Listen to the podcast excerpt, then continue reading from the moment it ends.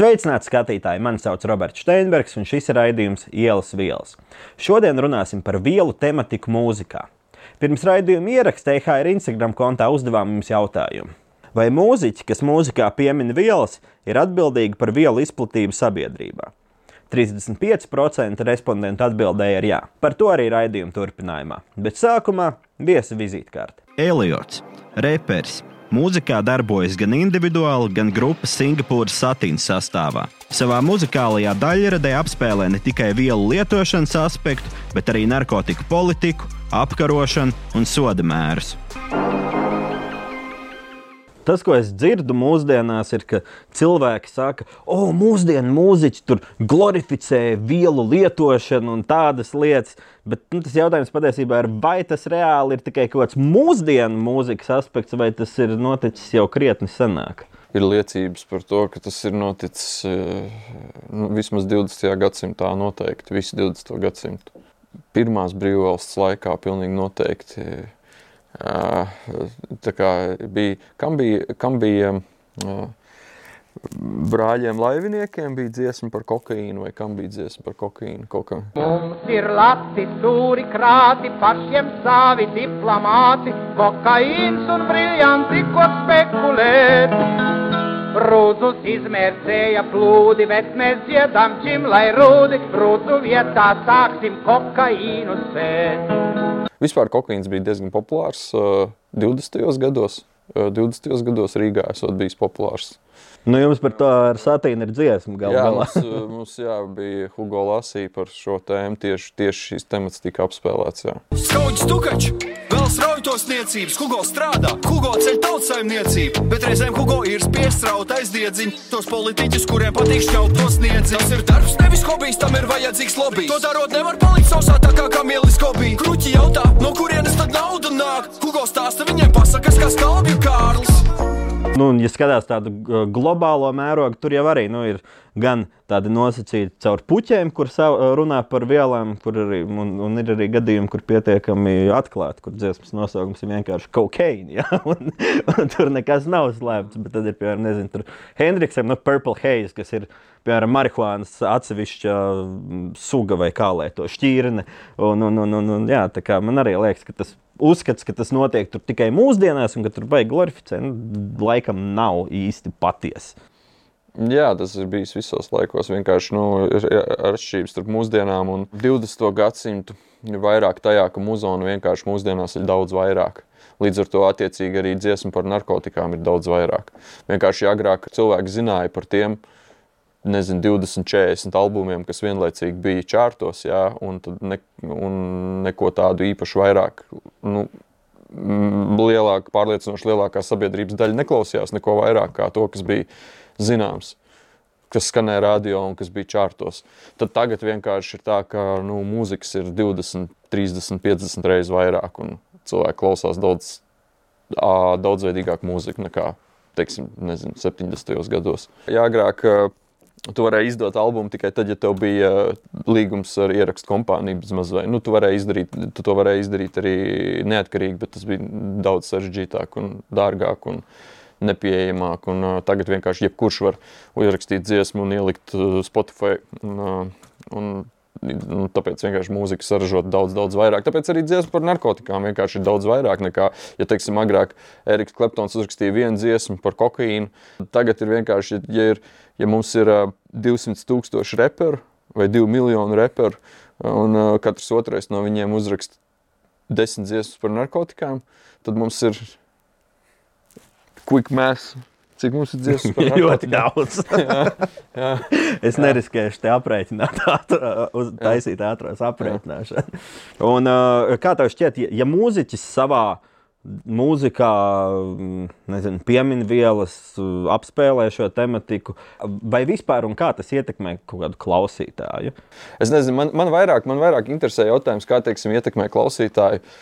Dziesmas par laikapstākļiem. Jo, nu, Latvijā, Latvijā pārliecinošies mūziķi vairāk mums raksta dziesmas par laikapstākļiem. Tā, mēs esam tā ievērojuši. Katra otrā Latvijas uh, uh, popdziesma vai, nu, vai roka dziesma uh, ir vai nu par sniegu, vai sauli, vai vēju.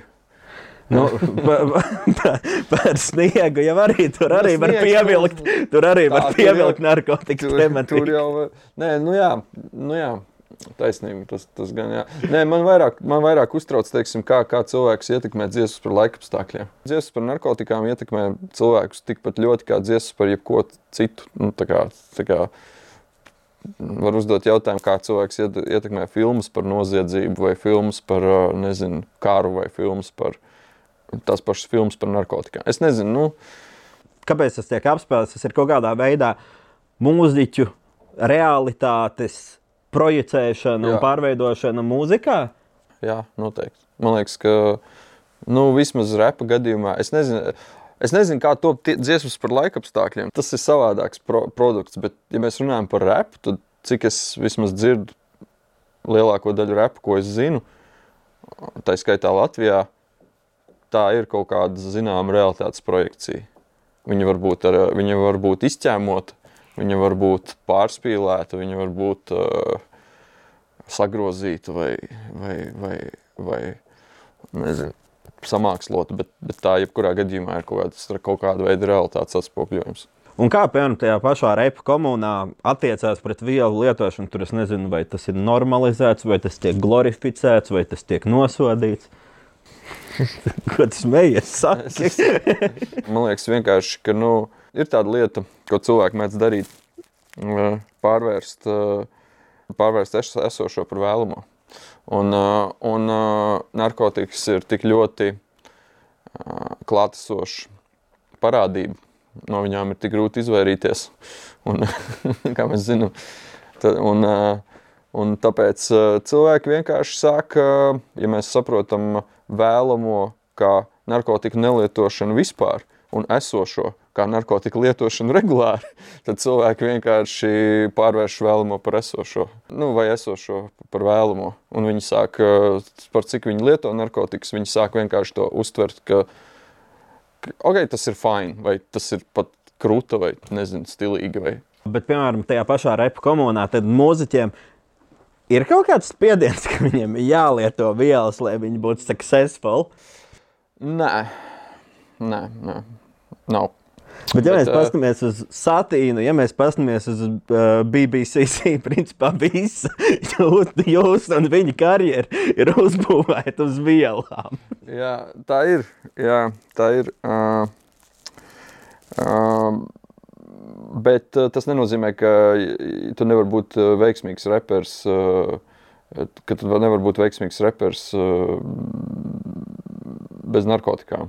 Tu, to, tu vari pilnīgi noteikti vari būt veiksmīgs reperis, nepieskaroties vispār narkotikām. Jautājums, vai tu spēsi pārspēt uh, mūsu, mūsu žanrā, ja, tu, ja tu mēģināsi to darīt, nekad nepieskaroties nevienai narkotikai. Tur gan es varu mazliet ā, šaubīties par to.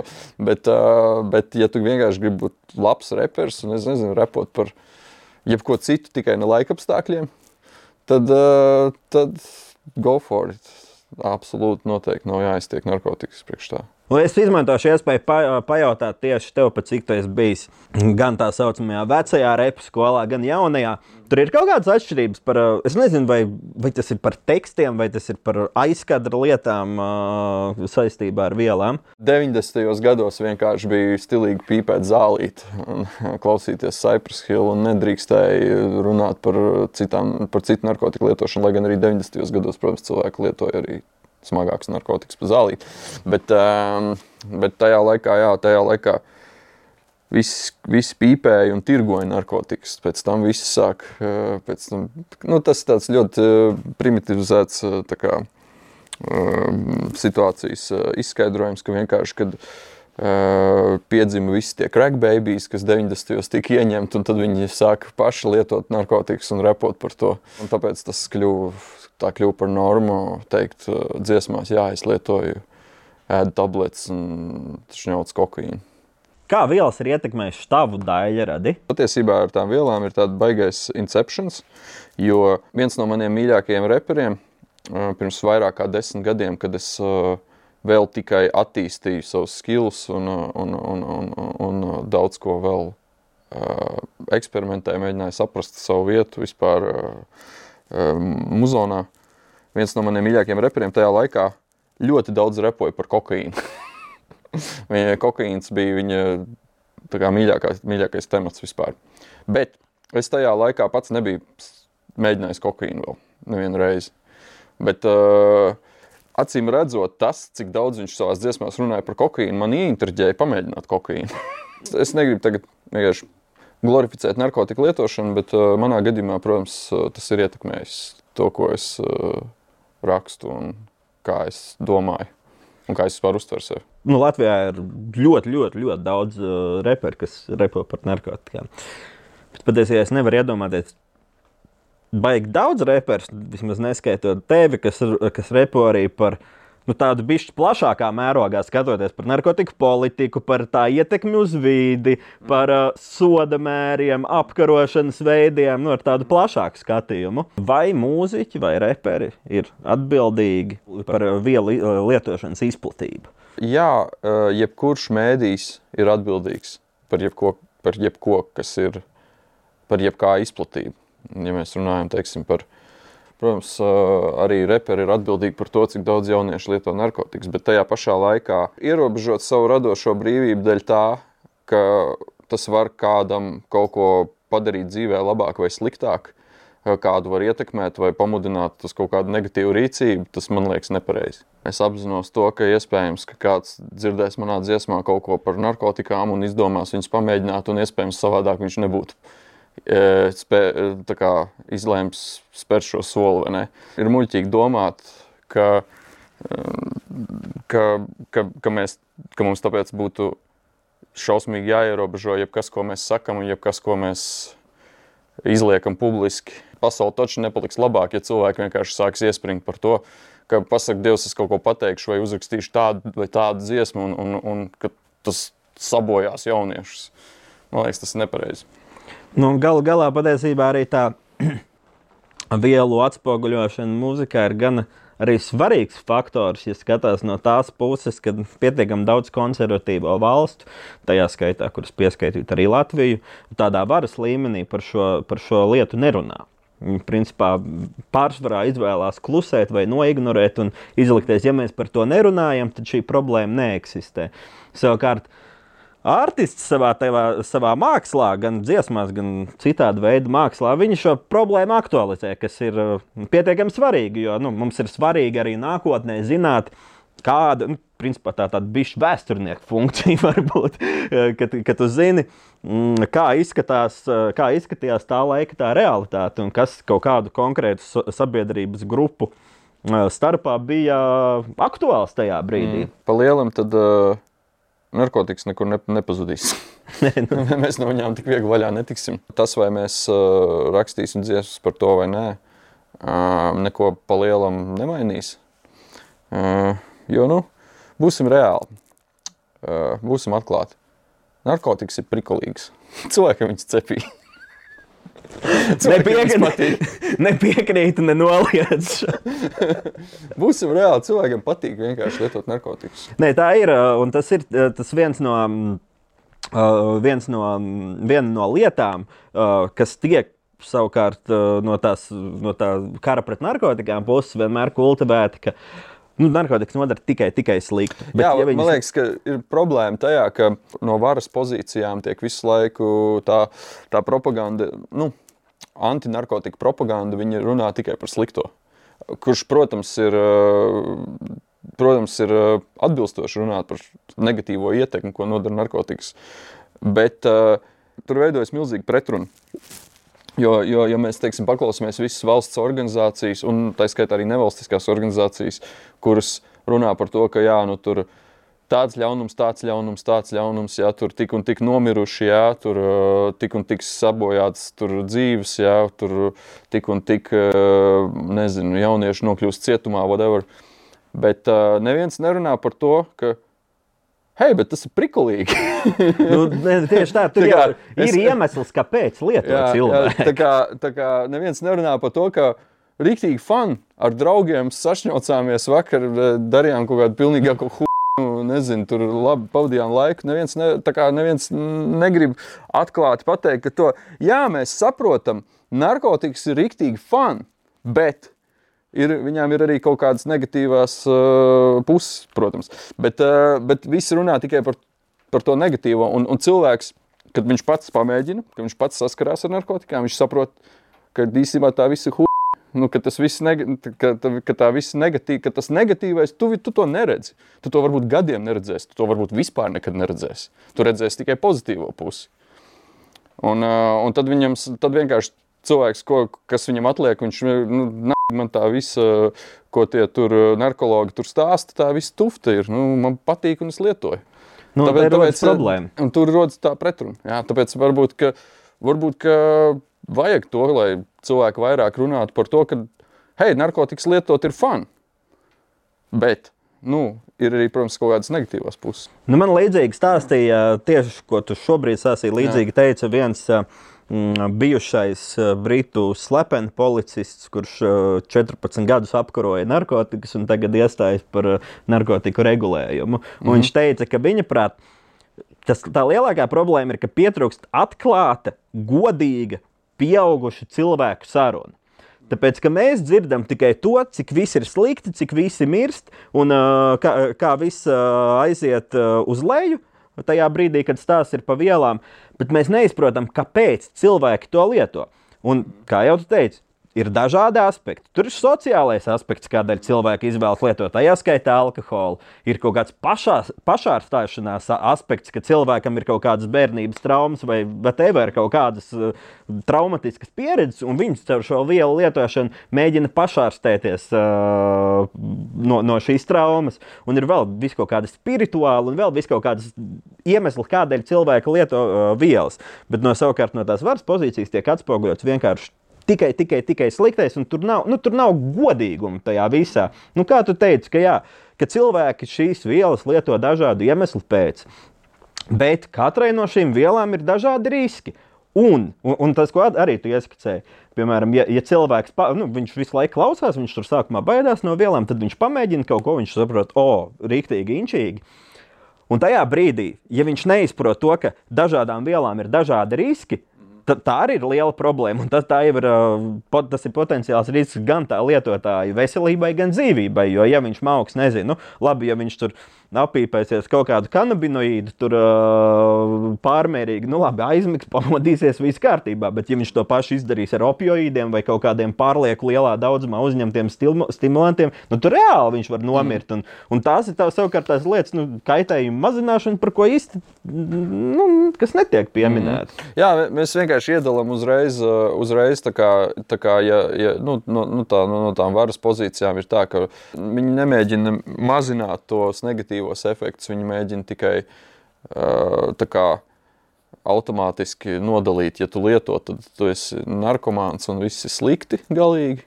Ja tu nelieto, tad viss ir labi. Bet uh, patiesībā jau kaut kur krietni pa vidu tur kaut kur tam visam ir. Jā, tu esi slikto puikas kategorijā, un jā. tad aiziet vēl problēmas. Ja tu identificējies kā sliktais puisis, tu vari sākt darīt citas slikto puikas lietas, kas, ir, jā. nu, kas, kas skar arī citus. Nevis nu, kā viela gadījumā lielākoties sevi, nu labi, un arī tavus tuvākos. Tur, ja, nu, ja tu tur esi apšturījies un tā.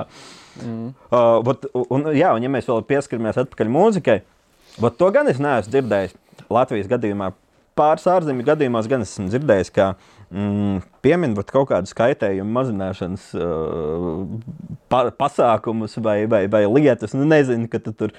Uh, jo, nu, protams, ka mūzikā daudz kas tiek uh, tā radikalizēts un iet, nu, spiest gāzi grīdā. Mm. Bet es kaut kur dzirdēju, es tagad gan neatceros to nosaukumu. Nu, kā apmēram tur, sa, nu, neņem pilnu tableti, sadalīt uz ceturdaļu, pamēģini sākumā ceturdaļu pasties, kā ir. Tad, ja gribēs vēl, paņems vēl, jo tu vienmēr vari paņemt vēl, bet tu nekad nevari. Mm. Bet pagaidi, šur tur ārzemēs jau ir, ir tā tendence, kad ir tās drošās narkotiku lietošanas būdiņas vai jā, jā. tur. narkotiku lietošanas istabas, jā. Tur festivālos, lai tu, lai tu tur, nezinu, kaut ko ne, nevārtītos dubļos un uh, kaut ko. Tad tu vari mierīgi aiziet, uh, sataisīt savu līnijas uh, būdiņā vai ko, lai tu. Sterilā vidē, medpersonālu, nu, ja kas medpersonāls ir netālu, ja tev Jā, notiek kaut kas Ja slikts. tev notiek, nu, jā, jā. Visdrīzāk, ja, ir, ja tāda vieta ir festivālā, tur arī būs uh, vielu testēšanas laboratorija, kur tu vari noteikt ķīmisko sastāvu. Tas Vai arī, starp citu, ļoti vērtīga lieta, manuprāt. tā būtu supervērtīga lieta, kas glābtu ļoti daudz dzīvības. Jo šobrīd tie pieaugumi, skatoties uz mūziku, arī, nu, nezinu, kaut vai tur uh, Lil Peep, Millers, nu, viņiem visiem bija pieaugts fentanils. Mm. Viņi it kā mauca zaņus vai vēl kaut ko, es neatceros, kā kurš savā gadījumā, bet mm. reāli. Uh, viņa organismā bija fentanils, kas ļoti mm. iespējams viņi bija nopirkuši viltotas vielas, kurām, ir- kuras nemaz viņi negribēja. Mm.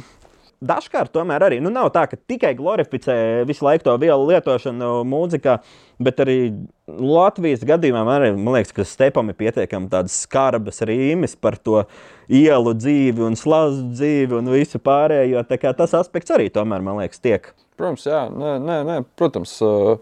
Arī, ja mēs runājam par satīnu dēļradi, par kur tu teici, ka šausmīgāk, uh, šausmīgi daudz par narkotikām.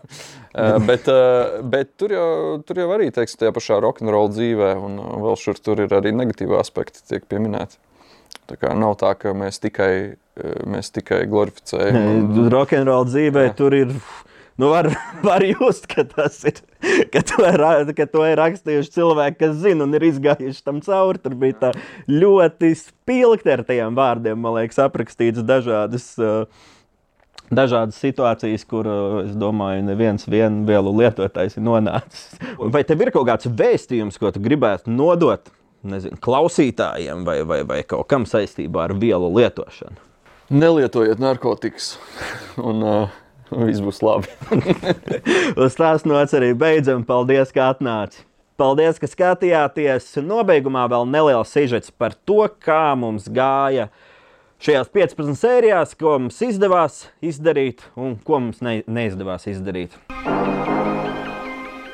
Niekoties ar vielām sākām pērnā gada septembrī, kad pie mums viesojās bērnu pusauģu psihoterapijas speciālists Nils Sakts Konstantīnos. Ar viņu pārunājām mītus par vielām un narkotiku politiku. policijas šīs intervences ar suņiem, narkotiku meklētāji, kur policija ienāk skolā un vienkārši izskatē, izmeklē visus jauniešus, skolniekus ar policijas suņiem. Mēs zinām, ka viens tā ir absolūti neefektīva lieta, tai nav vispār nekāda ietekme uz jauniešu kopējo tā kā, mm, lietošanu. Mēs zinām, ka tā ir superkaitīga lieta. Veiksme bija mūsu pusē, un mums Latvijā izdevās noķert bijušo britu slepenu policistu Nīlu Vucu, kurš agrāk iefiltrējās narko grupējumos, bet šobrīd vada nevalstisko organizāciju LEAP, kas iestājās par narkotiku politikas mājiņu. Ar Vucu apspriedām karu pret narkotikām un policijas apkarošanas blakus efektus. or any kind of drugs policing, it sharpens the sword of organised crime. It makes them more efficient, it makes them more brutal. Because the weakest get caught, and the most brutal are the ones that survive. Because they can intimidate communities, they can corrupt the police. Kopā ar narkotiku pētnieci Kristiānu Diānu Bebri apskatījām vielu publikācijas Latvijas mēdījos un apspriedām Latvijas narkotiku komentētāju publiskos izteikumus. Ja vienam tur uh, viens noķēra HIV, tad viņi saka, ka visi, kas lieto, noķers HIV. Jā, aptuveni ne? jā, jā, un ja, piemēram, tur pie viņiem nāk ā, cilvēki, kas ir sākuši ar kanabisu un tagad ā, lieto opioidus un nespēja tos beigt lietot, tad tas nozīmē, ka, ja tu lietosi kanabisu, tu beigsi lietošanu ar opioidiem. Kaut gan mēs zinām, šī korelācija vai, vai kauzalitāte kā tāda nepastāv. Apskatījām arī konkrētas vielu grupas un to riskus. Ar Krivenčiju runājām par stimulantiem un kokaīna ražošanu. kad tu saproti to ceļu, līdz viņš ieiet tavā degunā, kā, kā viņš ir radies, vai ne, caur cik dibeniem un caur kādiem kāju pirkstiem, tas viss ir izgājis, tas tev pat paliek pretīgi vienā brīdī, tu vairs neko negribi.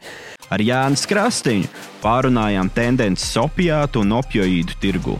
Aplūkojām sintētisko opioīdu bīstamību. Tīri no, no cipariem jau mēs redzam, jau arī sižetā bija, ka karfentanils ir 10 000 reizes stiprāks par uh, morfiju. 500 reizes stiprāks ir parastais fentanils, līdz ar to viņš ir agresīvāks, bet arī pašā laikā viņš ir biežāk jālieto. Ar Mārtiņu Mičuli diskutējām par kanabisu un kanabinoīdiem. Spektrā ir vieni tie, kas ir rīktīgi aizliedz, un tad ir vieni tie, kas ir rīktīgi par un apmēram saka, ka marihuāna pilnīgi visu ārstē, vēžus, nu, pilnīgi pret visu.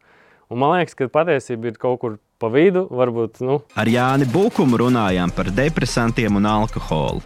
Un Kas varētu notikt, ja mēs, nezinu, pēkšņi Latvijā aizliegtu alkoholu? Nē, nu tad būtu tas sen pārbaudīts, jā, bet ierobežojumiem ir jābūt. Jauno gadu iesākām ar sarunu par psihedeliskajām vielām un to medicīnisko potenciālu.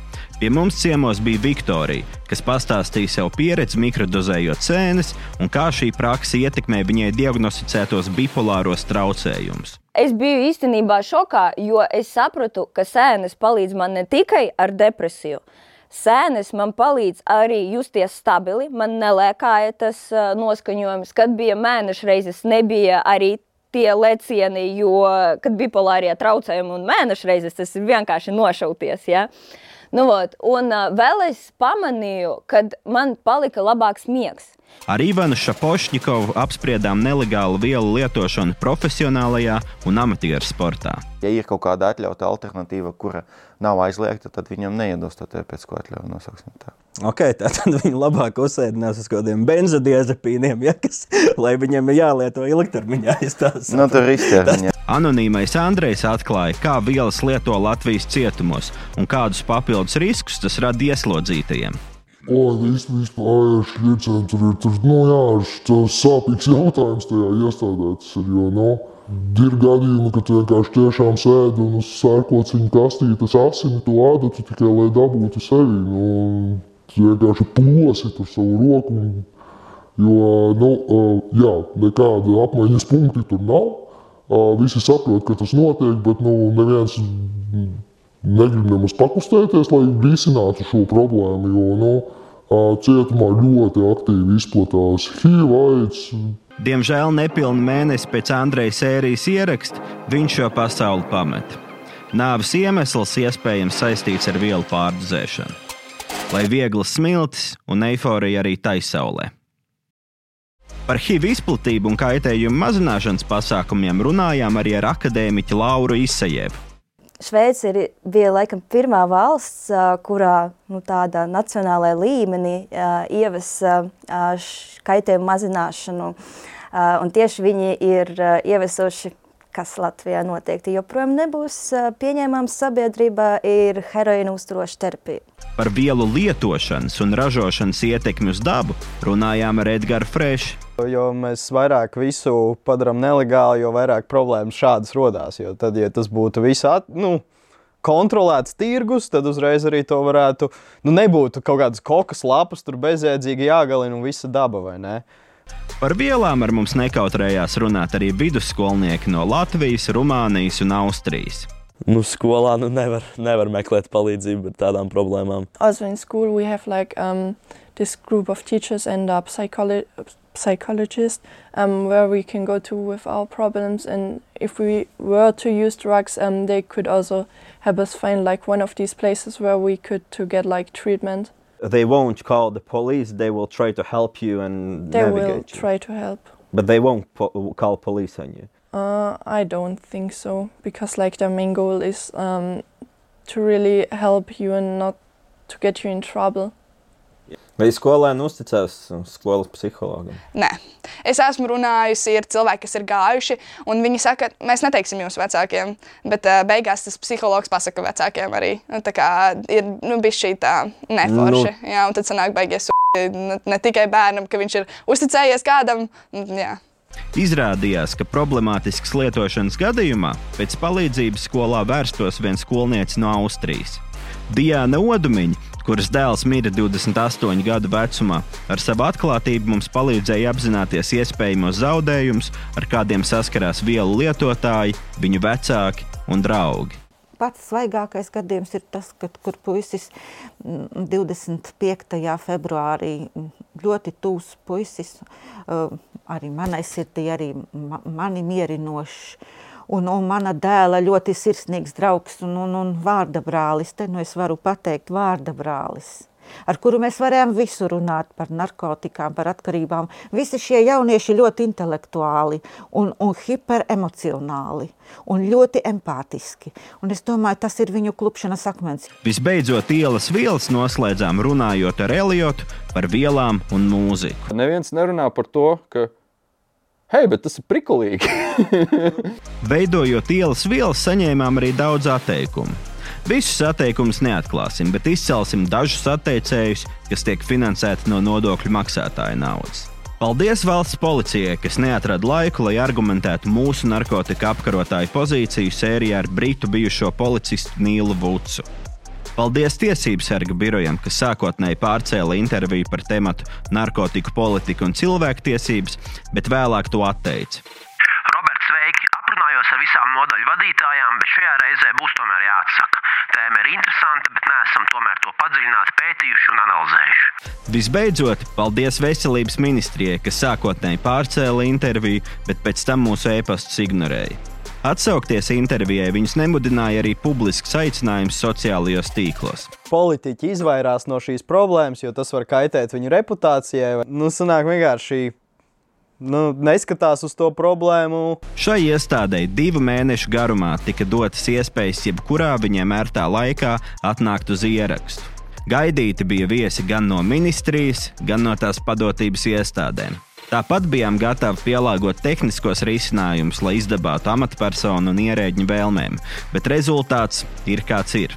Iemesls, kāpēc ministrija, kas ir tieši saistīta ar narkotiku tematiku, neatnāca uz nodokļu maksātāju finansētu raidījumu, nav zināms. Iespējams, pie vainas bija aizņemtība vai nevēlēšanās runāt par šo tēmu. Iespējams, argumentu trūkums pašreizējās politikas realizēšanai, bet tās ir tikai spekulācijas. Kamēr amatpersonas, ierēģi un politikas veidotāji baidīsies diskutēt par šo tēmu, būs grūti mainīt negatīvos rādītājus vielu lietošanas izplatībā un narkotiku izraisītajās nāvēs. Paldies raidījuma komandai un viesiem par savu laiku un atklātību. Paldies Mēdīju atbalsta fondam par finansējumu, paldies EHR par platformu, Paldies arī jums, skatītāji un klausītāji. Ja jūs interesē vielas un kaitējumu mazināšana, piesakojiet man sociālajos tīklos at Drug Reporter, lai uzzinātu par jaunākajiem projektiem pirmie. Ar šo izskan pēdējais ielas vielas raidījums. Mani sauc Roberts Steinbergs. Šīs bija ielas vielas. Tiekamies labākos laikos! Kādam jāiekrīt uz robežas ar jejo pantalonēs, kādam kaut kur jāmirst, lai es mērķu čipsi guacamolē. Simtiem sugu jāizzūd, lai iepirktos tu akrapolē. Tā tas būs līdz nebūs vairs nepīles ūdens Amazonē. Kokaīns un avokado. Mums te Eiropā ir vajadzīgs kokaīns un avokado. Kokaīns. Sūtiet vairāk luxury, mēs ar saviem eiro maksāsim par jūsu asinīm.